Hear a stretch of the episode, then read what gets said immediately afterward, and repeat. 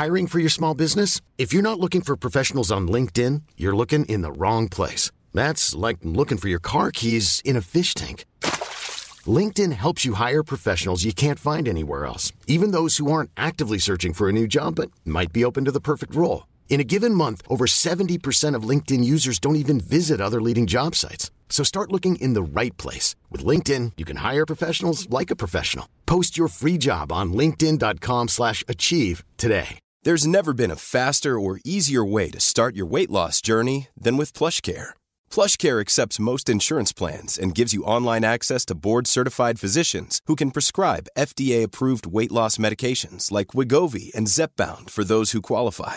Take charge of your health and speak with a board-certified physician about a weight loss plan that's right for you. Get started today at plushcare.com slash weight loss. That's plushcare.com slash weight loss. plushcare.com slash weight loss. Quality sleep is essential. That's why the Sleep Number Smart Bed is designed for your ever evolving sleep needs. Need a bed that's firmer or softer on either side? Helps you sleep at a comfortable temperature? Sleep Number Smart Beds let you individualize your comfort so you sleep better together. JD Power ranks Sleep Number number 1 in customer satisfaction with mattresses purchased in-store. And now, save 50% on the Sleep Number limited edition Smart Bed for a limited time. For JD Power 2023 award information, visit jdpower.com/awards. Only at a Sleep Number store or sleepnumber.com. Mät, men mät rätt så gör ni rätt.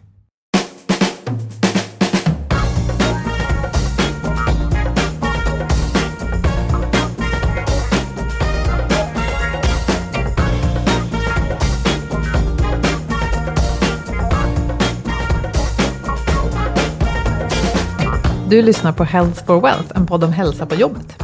Trots att vi får det bättre och bättre mår många av oss bara sämre.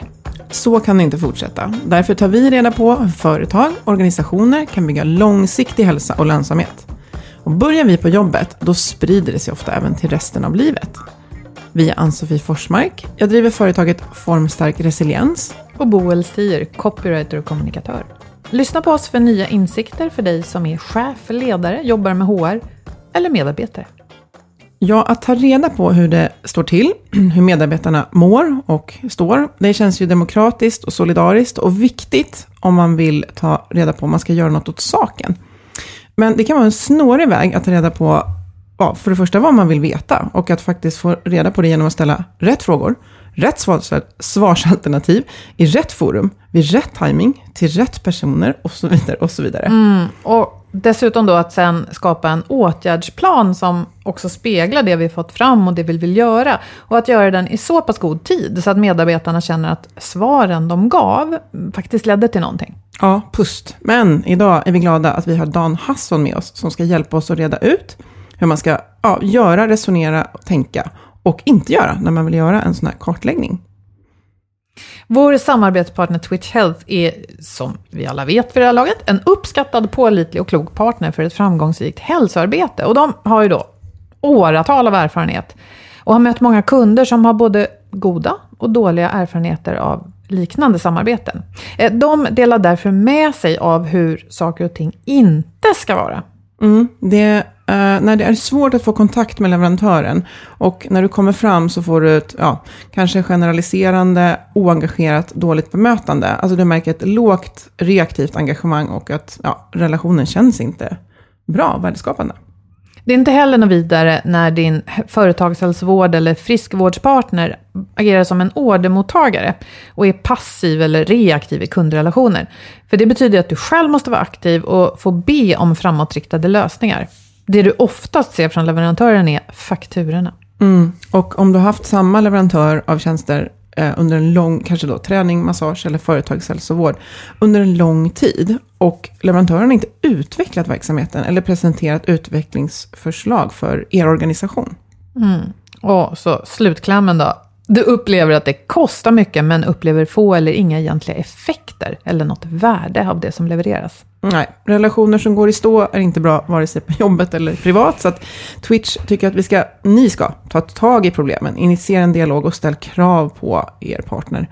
Och eh, även den egna organisationen. Och då kommer effekterna och hur det ska vara. Det kan man läsa på twitchhealth.se och vi lägger en länk i avsnittet. Nu, välkommen Dan Hasson. Jag tänkte presentera dig så här och så får du hålla med eller säga emot. Du är författare, forskare, du har doktorerat i stresshantering och hälsopromotion vid Uppsala universitet.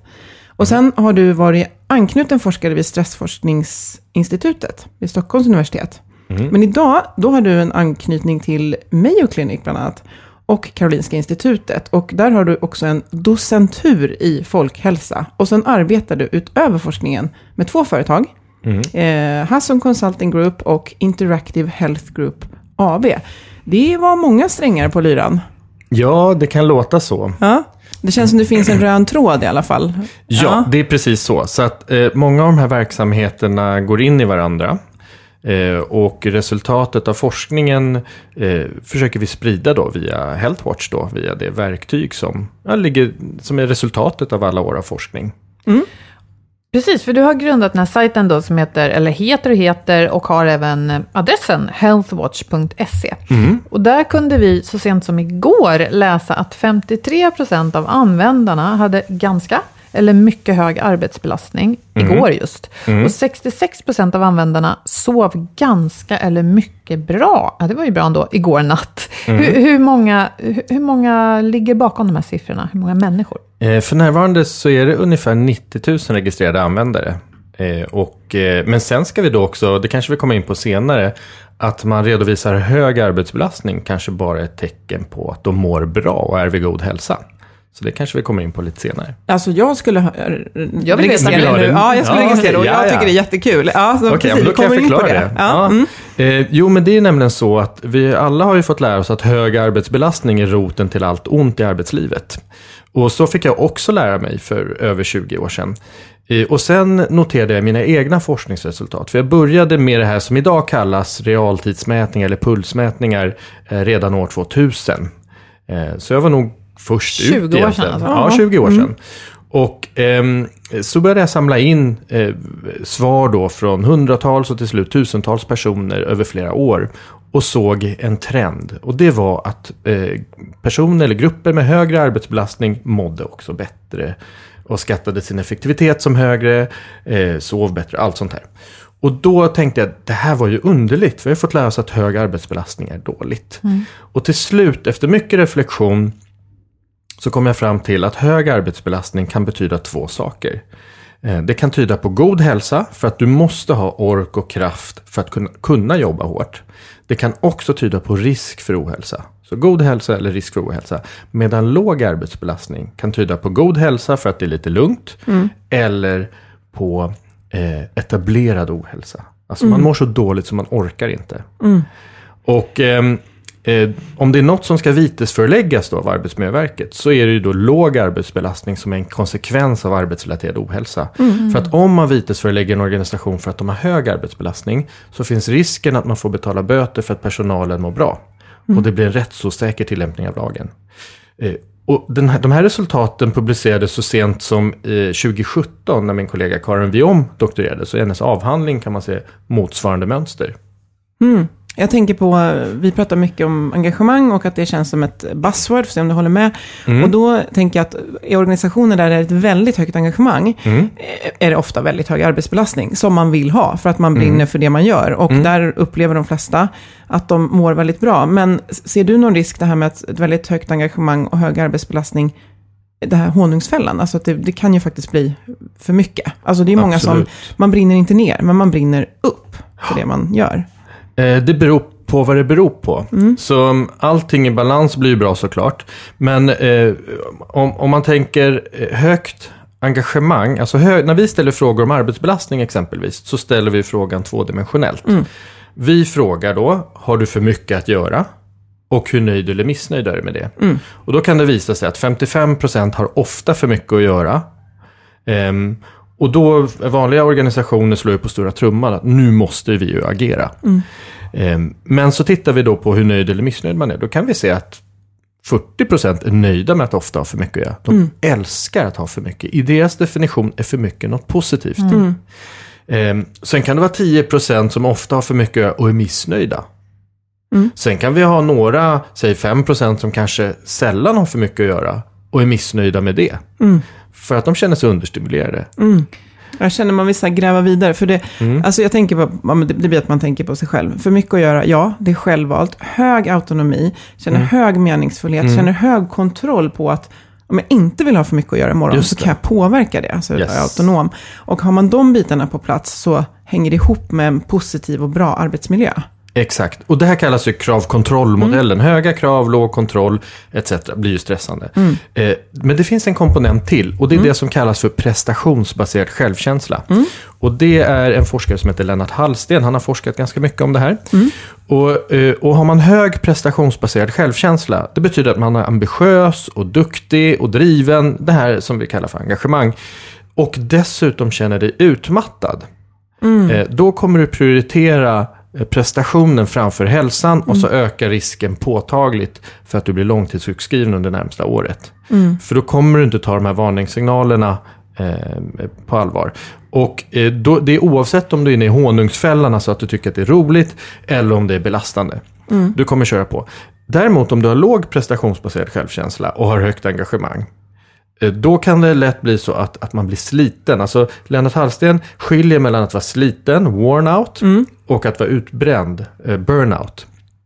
Och hur kan man skilja, alltså om man vill göra ett litet experiment, det här ska man ju inte göra på riktigt, men om man vill veta, är den här medarbetaren worn out eller burnout, är den sliten eller på väg att bli utbränd? Så är ett tankeexperiment, om jag skulle gå till den här personen och säga så här, vi uppskattar dig så otroligt mycket och du jobbar så hårt och vi vill att du ska hålla, därför så får du en veckas semester nu. Eh, den kommer inte påverka övrigt, men du måste ta den nu. En person som är på väg att bli utbränd, alltså hög prestationsbaserad självkänsla, kommer säga så här, det går absolut inte, för då går hela organisationen under. Ehm, en person som är sliten, alltså låg prestationsbaserad självkänsla, kommer säga, tack så mycket, det behövde jag verkligen. Eh, och då får man väl säga, jag skojade bara, jag ville bara diagnostisera här. Nej, så man ska ju inte göra det här på riktigt, men ni förstår tanken. Ja, är du så driven så att du inte tar emot hjälpen, utan bär hela världen på dina axlar, då ökar också risken påtagligt för att det engagemanget, när livet hopar sig och Mm. föräldern blir sjuk och barnen är snoriga och man ska skilja sig och allt vad det nu är, Mm. det blir till slut för mycket. Jätteintressant, för det är nog många som känner, eller skulle, skulle gynnas av att göra den reflektionen för sig själva, men också om man är chef. Att, Mm. att så här, jag kan nog utan att ställa den frågan, titta på min grupp och ha en känsla för vilka som skulle svara ungefär vad. Ja. ja. Men det här med prestationsbaserad självkänsla, Mm. det, det har, jag skulle vilja hävda att det talas om, här- jag kan inte peka på någon källa så här, men självkänsla är ett populärt begrepp. Mm. Eh, det finns massa populärböcker om det och så. Att någonstans får jag känslan, ah, men prestationsbaserad självkänsla, det är inget bra, det ska vi inte ha. Vi ska tycka om oss själva för den vi är.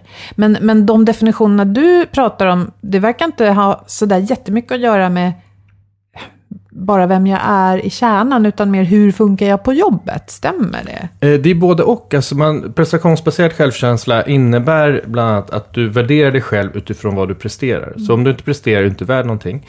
Sen är ju självkänsla nästan ett helt eget poddavsnitt. Jo. Men väldigt kort, precis som arbetsbelastning, så har självkänsla också varit ett sånt här ämne som man trodde eh, på 50-talet var roten till allt ont i samhället. Sen kunde man aldrig bevisa den tesen. Man kunde se att självkänsla i fängelser, skolor, var man än tittade, var normalfördelad. Alltså en del hade högre, en del hade lägre och de flesta låg någonstans i mitten. Eh, Men då har man ändå haft en rörelse som har tryckt på att vi måste öka självkänslan. Eh, Och när man eh, gör det och får uppblåst självkänsla så blir man det som kallas för narcissistisk. Vi får ett egocentriskt samhälle. Det är precis det som har hänt. Och det finns två former av narcissism, ska jag då säga. Den ena kallas för den grandiosa narcissismen, alltså Donald Trump, tänker vi då. Eh, Och den andra kallas för sårbarhetsnarcissismen. Det är att man känner sig berättigad till förmåner av olika slag. Det är att man känner att, eh, ja men nu, eh, nu tycker jag att det är synd om mig, så då har jag rätt att vara elak mot mina kollegor. Jag har rätt att sno lite kollegieblock från arbetsplatsen. Jag har rätt att maska eh, på arbetet och sådana saker. Och det här har börjat bli då ett problem. För att i samband med att kä- självkänslan har ökat har då förekomsten av narcissism ökat parallellt. Och har du mycket av något så kan du också förlora det. Och motsatsen till uppblåst självkänsla är tom på självkänsla, alltså depression. Så psykisk ohälsa har parallellt med att självkänslan har ökat också ökat. Så det här med självkänsla, det är ju inte bara något som vi behöver boosta hela tiden, den behöver vara i balans. Precis, och det är det man pratar om. Eh, och det ska jag säga, det har man pratat om kanske senaste 20-25 åren, eh, vi som forskar. Eh, att det är en balanserad självkänsla man vill uppnå, där man inser att jag är en del i ett sammanhang. Allting står inte och faller om mig, allting handlar inte om mig. Det är inte jag, jag, jag, utan det handlar om andra. Och, och det här eh, kommer faktiskt in på det forskningsprojekt som jag och min kollega Karin Viom bedriver just nu.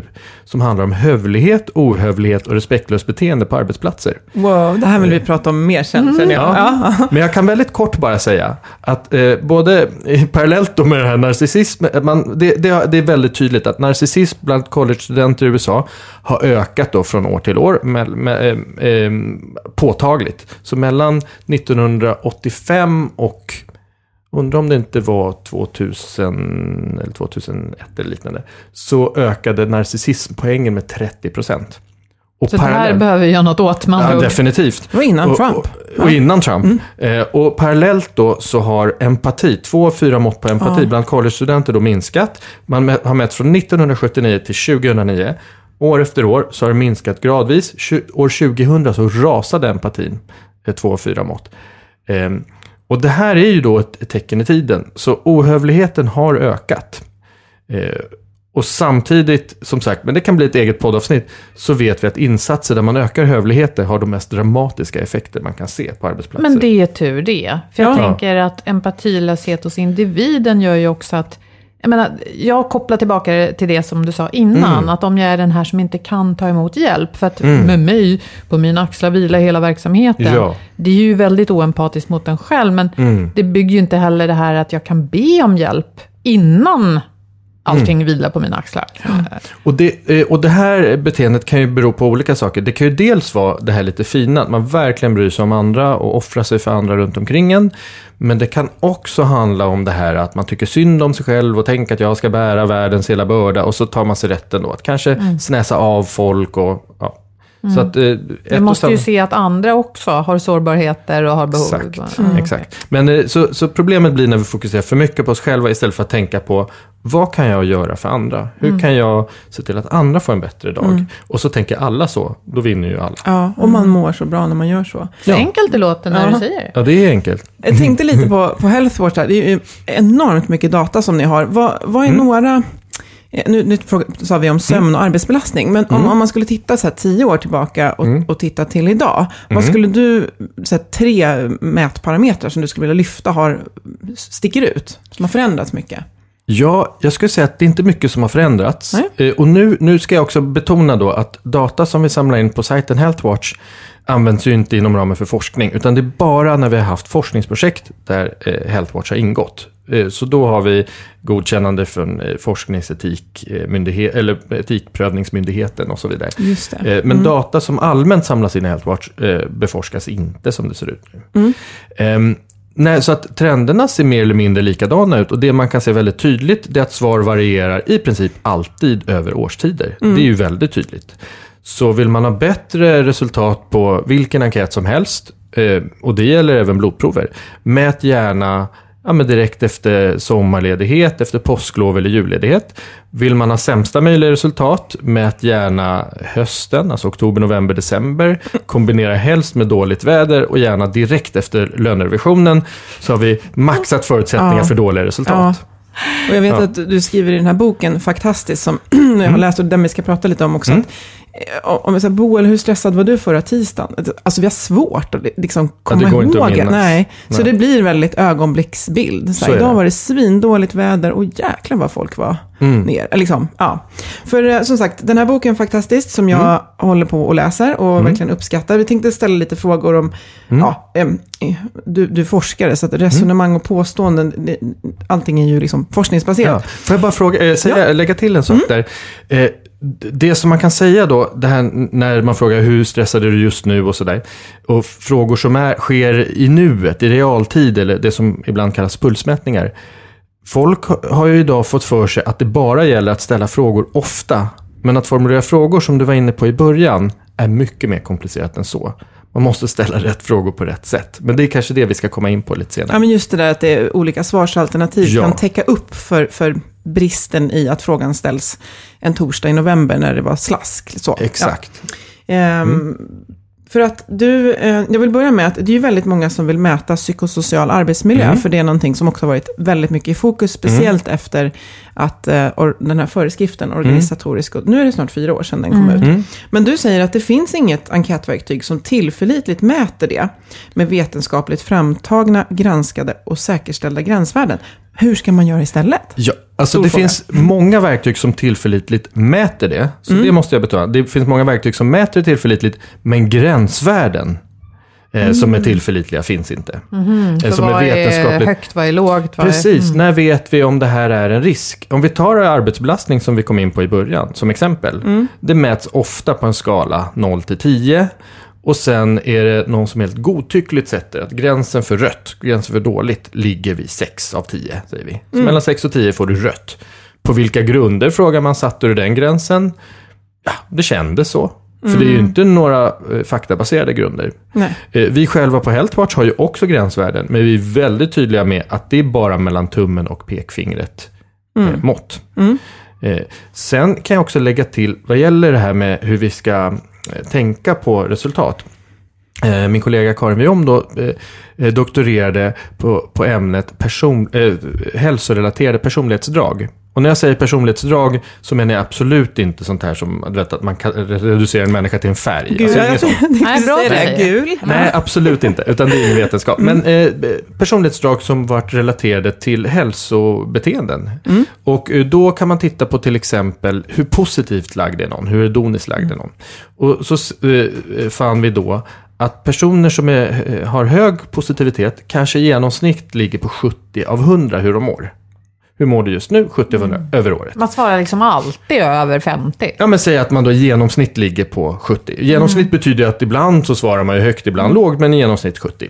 Personer med låg positivitet, å andra sidan, de kanske ligger i genomsnitt på 60 av 100 över året. Och då kan man förledas att tro att 60 är ett sämre resultat än 70, eller hur? Det är ju ganska stor skillnad, tänker man. Det är där Men- vi börjar. Liksom. Exakt, men om du inte är särskilt positivt lagd, 60, det är en fantastisk dag. Du skulle inte ens kunna tänka att lägga det på 70, för det skulle vara överdrivet.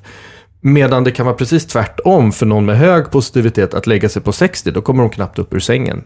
Jag tänkte, jag tänkte Ior och Nalle Puh tänkte jag på. Fick en bild Exakt. av att eh, när Ior är jätteglad så bara, Ja. men du ser ju rätt sur ut. Ja. Nej men exakt. Det är väldigt subjektivt. Det precis det här. Eh, jättebra liknelse tycker jag. Eh, och det är det här vi måste tänka på när vi tittar på enkätresultat. Det är därför man aldrig ska säga nu ska vi tolka resultaten. För det är omöjligt. Och det är därför man behöver ha en dialog om vad resultaten faktiskt betyder. Mm. Och du menar då en dialog med medarbetarna? Med medarbetarna. Mm, de, det är som, har svarat. Som behöver förklara. Det här menar jag. Och framförallt, önskar jag någon åtgärd eller inte? Det är ju det som är den viktigaste frågan som man måste ha svar på. Det är lite som när vi pratar om beteendeförändringar och OBM. Att eh, vad jag behöver för förstärkare och vad, vad som motiverar mig, det är alltid individuellt. Och det kan ju kännas så här, om man är chef och har för många medarbetare. Men menar du, för jag menar att mäta statistik, sto, aggregerade siffror, det, de samlar vi ofta för att vi vill ha någon helhetsbild. Men vad du säger nu, bara för att förtydliga, är att jag kan inte få så mycket åtgärd innan jag går tillbaka till individen och säger, Ja. ja, vad betyder det för dig, vad behöver Ja. du? Mätningen ger ett underlag, eh, i bästa fall då faktabaserat underlag, om man har använt några av de här utmärkta vetenskapligt validerade enkäterna. Så ett faktabaserat underlag för dialog. Eh, och då kan man ha en saklig, vänlig dialog. Om, eh, om man vill då, vad betyder resultaten? För det är berikande att förstå. Men det man måste ha en dialog om, det önskar eh, Ja. man som medarbetare några åtgärder? Och i sådana fall vilka? Och det blir, bygger också, tänker jag, lite ägandeskap i att ja, vi behöver det här. Okej, hur vill ni själva vara med och driva mot det? För det är ju, Exakt. bygger på delaktighet. Men ehm, ja, du skrev också i boken här att man, ehm, du säger att bristfälliga enkäter är snarare regel än undantag. Ja. Vad, vad skulle du, om jag lyfter så här, vad är det framför allt som, som brister? Utifrån att vi tog upp i början, det är så mycket vilka vi frågar, när vi frågar, hur frågorna ställs, Exakt. omfattning. Vad är det liksom generellt som brister som man ska tänka på? Eh, någonting som är väldigt vanligt är att frågorna inte är vetenskapligt validerade. Alltså de har inte testat att man mäter det man avser. Det är ju nummer ett, en brist. Eh, men sen ska vi också veta att eh, enkäter som används i vetenskapliga studier är inte alltid validerade. Eh, Och det här gör det krångligt att då veta vilka enkäter ska vi välja. Så det kan vara en enkät som används i tusentals studier som fortfarande inte är validerade. Eh, Och forskare använder det för att andra forskare använt det. Så enkätvetenskap är en hel gren inom, eh, inom eh, vetenskapsfältet. Och bara för att man är duktig forskare inom ett ämne betyder inte att man eh, förstår sig på enkäter. Så det här vill jag bara betona då. Det är ganska komplicerat. Men vanligaste bristerna är ju att man har eh, bristfälligt form- formulerade frågor, svarsalternativ. Man har svarsalternativ som inte ens passar ihop med frågan. Ehm, känner du dig glad? Stämmer helt, stämmer inte alls till exempel. När det är, egentligen vill du ju veta hur ofta du känner dig glad kanske. För om jag säger stä- stämmer helt att jag känner mig glad, som också är en vinklad fråga, eh, då kanske det gäller just nu. Denna sekund. Denna sekund. Och sen så agerar företaget som om det gällde hela tiden. Mm, du fick frågan en fredag eftermiddag. En annan Exakt. kollega svarade måndag morgon, den där regniga torsdagen. Exakt. Eller regniga måndagen då, Ja, i november. Ja, En måndag morgon på Mm. torsdagen. Ja, precis. Bara en sån sak. Ja. Men här blir det tydligt att fallgroparna är hur många som helst. Ska man överhuvudtaget hålla på med det här? Definitivt, men ska man göra det så är det bra att investera kanske ett par timmar att bara läsa det mest grundläggande om just enkäter. Och det är därför jag ägnat hela kapitel 3 till eh, det här med, med vanligaste bristerna, hur man ska tänka. Och det är lite tungt kapitel, det är det ju. Men samtidigt så är det mycket tyngre att mäta Ja. på felaktigt sätt och sen ta konsekvenserna av att göra fel insatser eller inga insatser. Eller, Det som är det mesta, det är så värt att göra det förberedande arbetet Ja. ordentligt. För att, ehm, ja, skit in, skit ut. Inte Ja, sagt ja, men det, så Ja. är det verkligen. Men jag tänker också apropå att sänka trösklar på saker att hända. Om det nu skulle vara viktigt att mäta för att få till någon väldigt viktig förändring. Alltså för att vi vill åtgärda ett stort problem i vår organisation. Så kanske vi inte har jättemycket pengar. Vi kanske inte har jättemycket tid. Då, då skulle jag liksom vilja hitta en snabb väg. Ja, men finns det inte någon enkät som väldigt många redan har använt? Och vars resultat man då skulle kunna vara, använda som så benchmark. Hur ligger vi Ja, eh, med den övriga branschen eller något sånt där? just det. Finns sånt?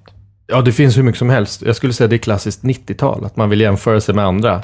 Och just av det här exemplet som jag berättade om innan, att ett och samma resultat kan betyda helt olika saker. Så att om du jämför dig till exempel med, alltså när du får en benchmark, vad betyder det? Jämför du dig med de som är bäst, de som är sämst, genomsnittet?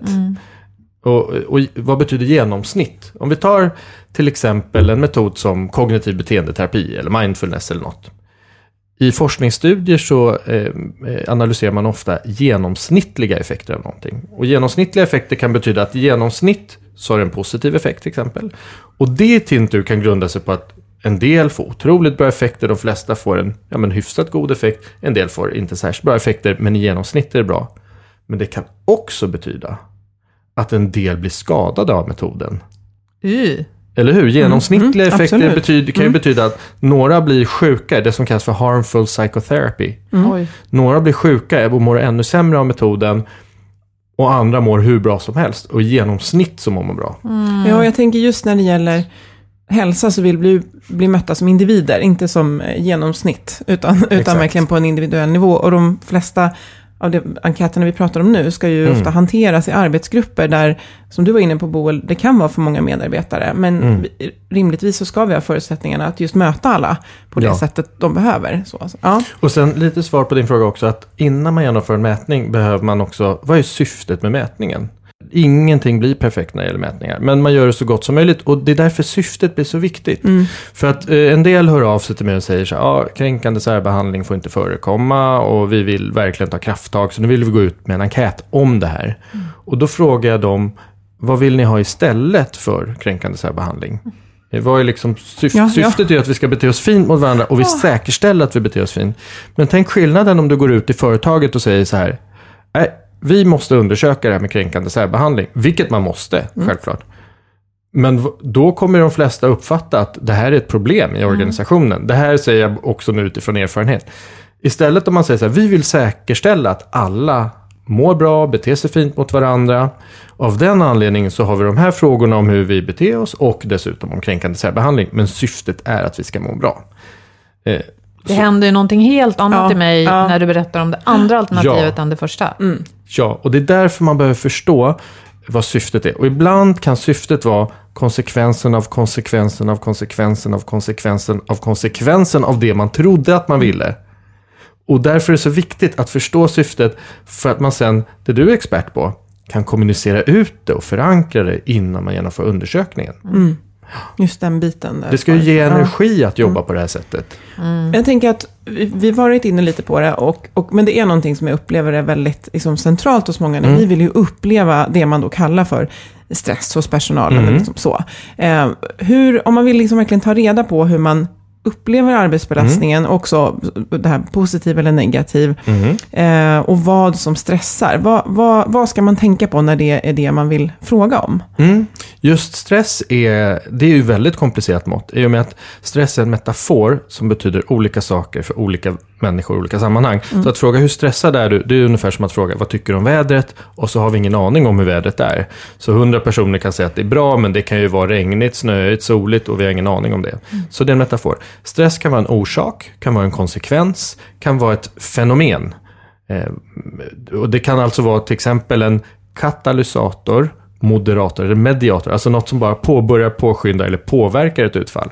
Som exempel där så, så, så kan ju stress vara en konsekvens av att Ja. jag har ett otydligt ledarskap och då blir jag stressad på olika sätt. Men Ja. det i sig kan leda till att jag sla, gör slarvfel på jobbet för att jag är stressad. Och då är stressen eh, en, en, en, en orsak som, och sen konsekvensen blir att jag slarvar. Men Ja. stressen kan vara en konsekvens av något som hände. Det kan också innan. vara så att en tydlig konsekvens av långvarig stress utan tillräcklig återhämtning, det är att man blir utmattad eller utbränd eller utsliten. Så det är en konsekvens. En orsak kan vara till exempel eh, att man har en dysfunktionell chef eller kollega eller något Det går dåligt för företaget. Vad det nu kanske? än må vara. Så det, då kan det vara en orsak. Så när vi pratar om stress behöver definiera vad är det vi vill mäta. Stress som orsak, stress som konsekvens, stress som fenomen, etc.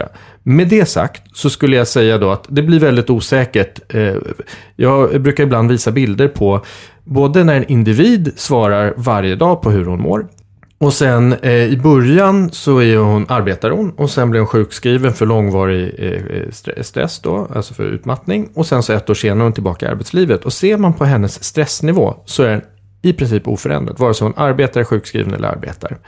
Och sen har jag motsvarande bilder på eh, grupper eller en grupp som är utsatt för något otroligt turbulent. Och det spelar ingen roll att det här det är en total nedläggning av arbetsplatsen. Man ser inte tillstymmelse till effekt på frågan om just stress. Alla andra eh, frågor påverkas, men inte frågan om stress. Så frågor om stress är oftast det sämsta måttet, säger ingenting om hur man mår, enligt min mening. Det är något väldigt subjektivt alltså. Att alla mätningar är subjektiva, men det betyder inte att de är dåliga. Utan ofta är det så att faktiskt subjektiva frågor eh, har mycket starkare förmåga att förutsäga framtiden än till exempel eh, biomarkörer, alltså blodprover och fysiologiska variabler som jag har forskat väldigt mycket om. Eh, Så att fråga någon hur du mår, det är bland de bästa frågorna som finns i vetenskapen på gruppnivå då för att kunna förutsäga framtida ohälsa, sjuklighet och till och med livslängd. Men ändå sa du alldeles nyss att det inte säger så mycket för personen som hade varit sjukskriven. Där var stressnivån hög hela tiden. Just på frågan om stress. Mm. Eh, Enligt min mening då så är frågan om koncentrationsförmåga mycket mer utslagsgivande. Ja. Så att om jag frågar hur är din koncentrationsförmåga just nu som vi då har på Healthwatch. Eh, när jag ser att koncentrationsförmågan sjunker, då är gruppen i, oftast stressad. Mm. Eh, och då ringer jag chefen, då har det nästan alltid hänt någonting. Eh, för koncentrationsförmåga, det är bland det första som slås ut när vi är för stressade. Så Mm. enligt mig då så är det en, en av de viktigaste indikatorerna på skadlig stress just. Får jag fråga då, eh, om jag är väldigt stressad och den stressen eh, ökar för att jag Mm. upplever att jag inte borde vara stressad. Ja. Eh, kommer jag då att svara att jag har svårt att koncentrera mig? För jag misstänker kanske att det är dåligt.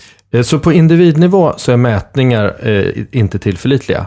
För vi kan ju inte veta, det kan ju vara en person med otroligt gott omdöme och självinsikt och någon med helt urusel. Eh, så, så, så kan det ju vara. På gruppnivå smetas allt det här ut. Men återigen så är det här, det är därför det är så viktigt att ta den här dialogen. Eh, är det någon som önskar åtgärder och kommer vi in då på en person som är väldigt driven och ambitiös så kommer de här personerna ofta inte ta emot hjälp. Det. Eh, Utan då, eh, ja, beskriver jag lite senare i boken hur kan man hjälpa med att motivera de här personerna som inte vill ta emot hjälp. Alltså att hjälpa dem utan att kränka dem, utan att ställa sig i vägen och ja, kritisera deras fi- fina beteenden. Jag tänkte att vi skulle kunna komma in lite på, på index också, därför att Mm. flera frågor kan ju ge en, en, en bild. Och då tänkte jag på att hälsoindex är ju väldigt liksom, Ja. populärt. Och då har du, säger du också i boken att ja, man ska passa sig lite, för det kan vara lite som att jämföra äpplen och päron. Vill du utveckla det? Precis. Index, det gör man ju för att man, man vill mäta olika di- dimensioner av ett och samma fenomen. Så säg att du vill mäta depression. Så istället för att fråga sig, är du deprimerad? Vilket ju är en enkel fråga, men risken att man svarar fel på en fråga är ganska stor. Så därför ställer man flera frågor om symptom som ingår i depression. Är du rastlös? Är du irriterad? Är du energilös? Är du nedstämd? Och beroende då på hur man har svarat på alla de här frågorna så kan det då tyda på att du har tecken på depression eller nedstämdhet, till exempel. Det är ett index. Hur används index idag? Många gånger. Det räcker med att man googlar på hälsoindex eller stressindex, så kommer ni få se hur mycket man stoppar in. Det är, alltså man stoppar in högt och lågt. Det är, hälsoindex kan innehålla hur mycket man idrottar, vad man äter, om chefen är snäll, om familjen är glad. Det kan innehålla precis vad som helst. Så det är som att vilja göra en fruktsallad och så stoppar du in lite oxfilé och lite bananer och lite ägg och lite allt möjligt och så kallar du det för eh, fruktsmoothie. Det är så många index. Och då tänker man så här, du ska ju få ett resultat av indexet. Så får du en poäng 80, ledarskapet 80. Ha, vad betyder det då? Om du har kastat ihop alla de här ingredienserna så betyder det ju precis ingenting. Vi är bra på att steka oxfilé. Ja, vad det nu är. Det är inte ens det, utan det är vi bra på att göra. Ja, eh, när vi var små, jag och min syster, så kallade vi det för kräk alla dagen. Man bara slängde ihop allt som fanns i köket och så skulle vi försöka äta det som såg ut som pannkakor och det gick ju inte att äta. Inget bra att eh, stoltsera med på vare sig hemsida eller för, för insatser. Nej, så index är ju utmärkta verktyg när man gör dem på rätt sätt. Då kan du med olika dimensioner mäta till exempel olika aspekter av ledarskap, psykosocial arbetsmiljö, hälsa och vad det nu är. Men då måste du definiera exakt vad det är du vill mäta. Så att den som tittar förstår, ja det här indexet består av de här frågorna. Det betyder att ja, men ledaren kanske är duktig på att ge återkoppling, är engagerad, är närvarande. Och då har man fått högt på ledarskap, social kompetens eller vad man nu vill kalla det. Men det ska vara väldigt tydligt vad det betyder. Men som sagt, idag, alla kan göra det experimentet. Skriv hälsoindex, så kommer ni få se. Eh, Ja. För vad- det är lätt att skriva just orden hälsoindex över ett antal frågor som man har ställt till lite folk. Ja, pl- säger ja men plus, plus att man då, många säger så här, nu, vi har ett hälsoindex och så stoppar man in ohälsa i det. Så man säger så här, har du huvudvärk, har du, och sen har man liksom, är du glad? Man, man stoppar in allt möjligt i det där begreppet. Eh, Och, och vissa frågor tar ju ut varandra och då statistiskt vänder man på dem. Och, eh, och det är det här som är så viktigt, eh, anledningen till att man gör vetenskapligt validerade enkäter. Och och då är det så här att de allra flesta företagen som jag har sett och som jobbar med mätningar har två argument idag. Och de allra flesta skriver att de är forskningsbaserade, vilket de flesta inte är. För att, att validera en enkät tar eh, minst två till tre år. Det är en oerhört avancerad process. Och har man då ett företag som startade 2017, 2018 och, och säger vi är vetenskapligt validerade, nej, det är inte möjligt. Det andra argumentet, och sen eh, när man ber dem om publikationerna, kan vi få se publikationerna där enkäten validerades, då får man ofta svepande svar. Eh, och det här blir ju problematiskt. Det betyder inte att deras enkäter är dåliga, det betyder bara att det finns inte stöd för det de säger i marknadsföringen. Det andra som väldigt många går ut med, det är ju att de har AI. Och det kan jag säga direkt, det finns ingen som har AI idag. Det är så komplicerat och avancerat. Jag har eh, senaste eh, 15 åren försökt få till AI-baserade analyser på våra hälso och arbetsrelaterade data. Och det är så komplicerat. Så att det är många som har försökt göra det här. Matematiker och statistiker som har gått bet. Eh, Första reaktionen från alla har varit, det här är urenkelt. Och så fort vi säger, vi måste ta hänsyn till det här och det här och det här. Så har det mynnat ut i att det inte gått. Helt enkelt. Men Men, vi håller på fortfarande. Så Ni att vi håller på att försöka träna någon Vi- typ av programvara. Det, det gör vi definitivt. Jag Men, tänker, eh, då börjar man väl där och ser om det... Ja. Exakt. Eh, Så vi har ju enorma mängder data. Vi har ju nästan 20 år nu av data. Så att vi har enorma mängder data eh, som, som man kan liksom träna de här algoritmerna. Men fortfarande är det så att man måste också ha en teoribildning bakom. Eh, idag har det blivit på modet att bara man säger AI så spelar det ingen roll. Så, som du nämnde innan, shit in, shit out. Det är lite som när man då, jag tänker apropå omgiven av idioter och det där med färger, så Mm. är det många som säger, ja fast det har satt igång massa spännande dialoger hos oss. Mm. Eller, eh, så får man väl tänka så här, okej, men vad hade vi kunnat göra istället? Exakt. För om man tänker, du, du tog upp en jätteviktig poäng. För när man förlorar tid på att göra en felaktig insats, då har du inte bara förlorat tid, du har också förlorat den vinst du skulle göra om du hade jobbat på rätt sätt. Så det är dubbel förlust. Jag tänker att det är där vi ska komma in lite avslutande. Att nu är det många som sitter och bara, åh herregud, vi har gjort fel och det här var komplext och validering och forskare.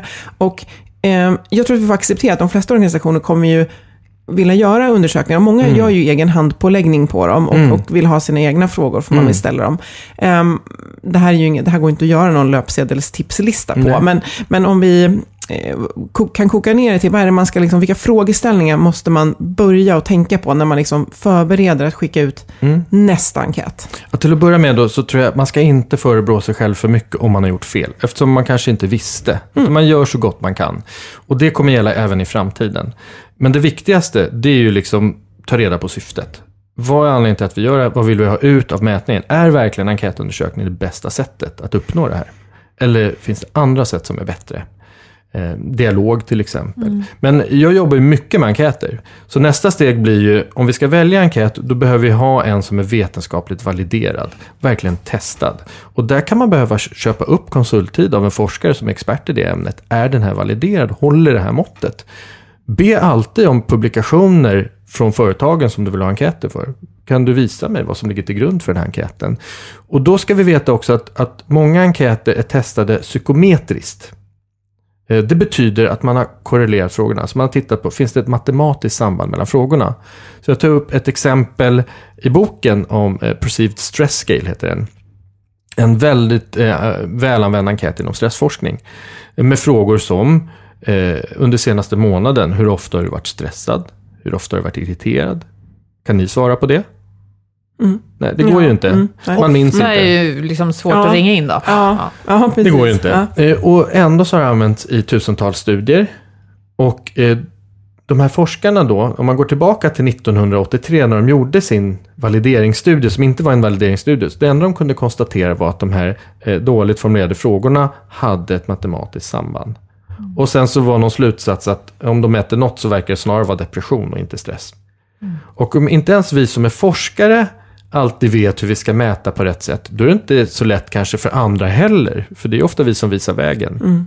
Men det visar bara hur komplicerat det är. Eh, Men det går att göra rätt. Så validerad enkät är bra. Beställ gärna som sagt någon timme eller två av en forskare som får granska och säga det här håller, det här håller inte och så. Det är verkligen väl värt investeringen.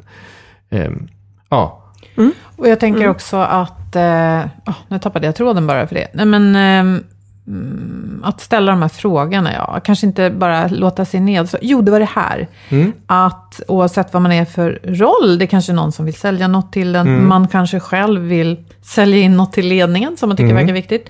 Då vill man gärna använda fakta. Siffror gillar vi ju, det låter ju så rätt. Ja. Men lite så här, se bakom dem. De där 70 procenten, Ja. var kommer de från? Hur Ja. ofta då? Eh, var någonstans i världen? Eller hur? Är det inte lite, vi borde inte låta oss bländas så lätt av Absolut. Och inte bara siffrorna, utan när vi tittar på resultaten. Vi måste komma ihåg till exempel om vi tar låg arbetsglädje. Det kan ju bero på att jag har ont i ryggen, inget är roligt i mitt liv. Eh, Det kan bero på att ja, men jag, tycker, jag hinner aldrig med arbetsuppgifterna, jag är så frustrerad. Eller vi har konflikter. Eller så kan det bero på, vadå arbetsglädje? Jag är så trött på människor som hela tiden ska ha klackarna i taket. Jag kommer alltid ha låg arbetsglädje. och Jag- låga klackar. och låga klackar. Och jag är nöjd med det. Jag önskar ingen åtgärd av min arbetsgivare. Eh, och, och det här är så viktigt för en chef att förstå. För tiden ska vara över då en chef på en fredag eftermiddag öppnar sin laptop, ser de här 80 graferna med röda staplar, stänger igen den, går och har ångest hela helgen och tänker nu måste jag åtgärda det här. Ja. Tiden är över för det. Utan då ska frågan vara så här, det ska bli väldigt intressant att se vad de här resultaten betyder och framförallt vilka åtgärder, önskas några åtgärder Ja. av mina medarbetare? I sådana fall vilka? Och sen att man har en dialog om det. Så exem- det exempel som jag brukar ge, det är arbetsglädje. Istället för att man som chef eller chefsgrupp ska sitta och kläcka idéer om onsdagstårta, fredagsöl och konferens. Så är det bättre att man ställer fyra frågor. Vad kan du göra för att säkerställa att vi har arbetsglädje? Vad kan dina kollegor göra? Vad kan jag som chef göra och vad kan vi som organisation göra? Och sen får man en lista med förslag som man sen bedömer. Och så säger man det här inför vi på en gång. Vi hälsar på varandra på morgnarna. Det här inför vi på medellång sikt. Det här på lång sikt. Och de här förslagen kommer vi aldrig Ain't införa. happen. Ja. Nej, så de förväntningarna behöver vi ta bort. Och jobbar man på det sättet, då följer man arbetsmiljölagen till punkt och pricka. För du får dialog och du får delaktighet. Och båda de är lagstadgade. Får jag lägga till en sak nu? Ja. För att det lät lite byråkratiskt att säkerställa arbetsglädjen. Det kan man säkert behöva göra. Ja. Men tänk att om man nu blir lite nedslagen av allt det här så kan man ju tänka att en dialog kan man inleda med sin arbetsgrupp oavsett enkäter och verktyg. Och bara säga, Absolut. hur skulle jag kunna Hur bidra till ökad arbetsglädje för dig Ja. idag? Verkligen. Och det som är fördelen med enkäter då, för att jag tycker verkligen att det är en alldeles utmärkt idé att prata. Fördelen med enkäter, dels att man får liksom löpande underlag så man kan utvärdera hur det går. Man Jag får kan också ett säga det jag inte vågar säga när du tittar på mig. Så kan det definitivt vara också. På gott och ont kan det vara så. Eh, så att det finns en del fördelar, men då måste enkäterna vara korrekta underlag. Eh, och vi får absolut inte tolka enkäterna. Det ska vara olagligt i varje organisation att säga nu ska jag tolka resultaten. Den är bra att ta med sig. Ja, Utan vi diskuterar resultaten. resultaten. är där. Om, Ja. om de behöver tolkas, då är något fel. Det är vad du säger. Ja, vi, ska, nej, om vi, de behöver, vi behöver fråga och ta reda på vad de betyder. Som Ja. exemplet med Ja. arbetsglädje. Eh, vad beror på? Och sen det kanske viktigaste av allt skulle jag säga. Ofta är det ju så att majoriteten mår bra. Ofta. Och säg att 75% trivs och mår bra. Då ser man direkt de här 25% som inte verkar trivas. Och så säger man oj, oj, oj. Ni verkar inte trivas. Varför det? Och då, alla de som mår bra, då, det, om vi pratar OBM som du pratade, Organizational Behavior Management, då förstärker man ju det som är Ja, dåligt. precis. Så istället kan man ju börja med att fråga, ni som trivs, berätta, vad är det ni gör det ni för att gör? trivas? Kan vi lära oss något av det Av ni det. gör? Och sen nästa fråga blir, ni som då just nu inte trivs, är det något vi kan göra Ja. tillsammans? Kan vi hjälpas åt för att få er att börja trivas? Och sen Så att fokus hela tiden är att livet trivas. är kanske inte att trivas 100% hela tiden. Det är inte så. Nej, så ut. kan det vara. Och sen kan det vara så att alla kanske inte är bekväma att prata i grupp. Och då bjuder man som chef in och säger, men om du inte vill prata i grupp, kom och prata med mig enskilt, prata med arbetsmiljöombudet eller skyddsombudet eller HR. Eller... Så att man bjuder in till dialog om man inte vill ta upp det i grupp. Ja. Och Man kan också ta, använda anonyma enkäter då, där man får skriva av sig. Så det finns alltid något att göra. Det finns alltid Absolut, något att göra. absolut. Jag blev, blev jag i alla fall lite så här, wow. Eh, Tröskeln blev hög. Det är så att när man jobbar på det här sättet, då ska mätningar och arbetsmiljöarbete och organisationsutveckling, det ska ge energi. Det är det man ska ha med sig. Och börjar det ta mer energi än vad det ger, då kanske man inte gör rätt saker. nej. Oh, byråkrati som ger energi, den Ja. är Ja, bra. hur? Ja. Alltså, tusen tack. Det finns Ja. mycket att äh, återkomma till, men Ja. eh, jag kan rekommendera boken, för den, den går ju igenom pedagogiskt det som vi har varit inne, Mm.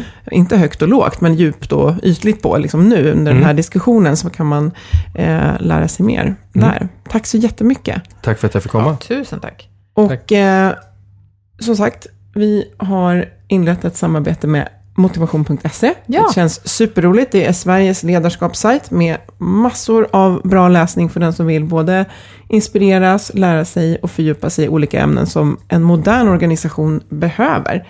Och ehm, vi får ju hjälp att ehm, länka till ett, ehm, en artikel där som hänger ihop. Det finns många artiklar som hänger ihop med det vi, vi pratade om idag. Men eh, idag har vi valt ut en som handlar om att sätta tydliga mål och eh, titta på rätt nyckeltal. det Och kan att lyckas med dem, står Ja. också i rubriken.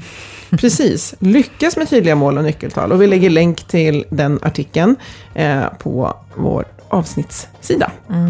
Hörrni, tack så hemskt mycket för att ni lyssnade och tack till dig som kom hit. Tack för att jag fick komma. Ja, och tack till våra partners, motivation.se och Twitch Health.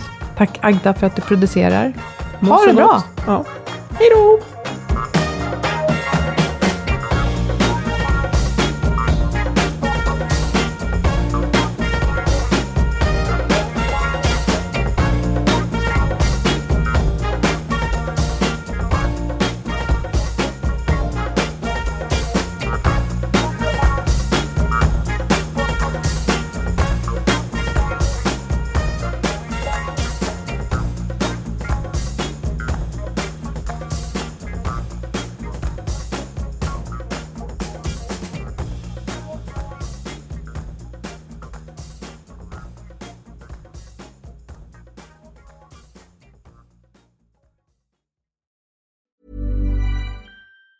Hi, I'm Daniel, founder of Pretty Litter. Did you know cats tend to hide symptoms of sickness and pain? I learned this the hard way after losing my cat, Gingy. So I created Pretty Litter, a health monitoring litter that helps detect early signs of illness by changing colors, saving you money and potentially your cat's life. Pretty Litter is veterinarian developed, and it's the easiest way to keep tabs on your fur baby's health right at home. Go to prettylitter.com and use code ACAST for 20% off your first order and a free cat toy. Terms and conditions apply. See site for details. Ever catch yourself eating the same flavorless dinner three days in a row? Dreaming of something better? Well, HelloFresh is your guilt free dream come true, baby. It's me, Gigi Palmer. Let's wake up those taste buds with hot, juicy pecan crusted chicken or garlic butter shrimp scampi. Mm. Hello Fresh. Stop dreaming of all the delicious possibilities and dig in at HelloFresh.com. Let's get this dinner party started. Even when we're on a budget, we still deserve nice things. Quince is a place to scoop up stunning high end goods for 50 to 80% less than similar brands. They have buttery soft cashmere sweaters starting at $50, luxurious Italian leather bags, and so much more. Plus, Quince only works with factories that use safe, ethical, and responsible manufacturing. Get the high-end goods you'll love without the high price tag with Quince. Go to quince.com/style for free shipping and 365 day returns.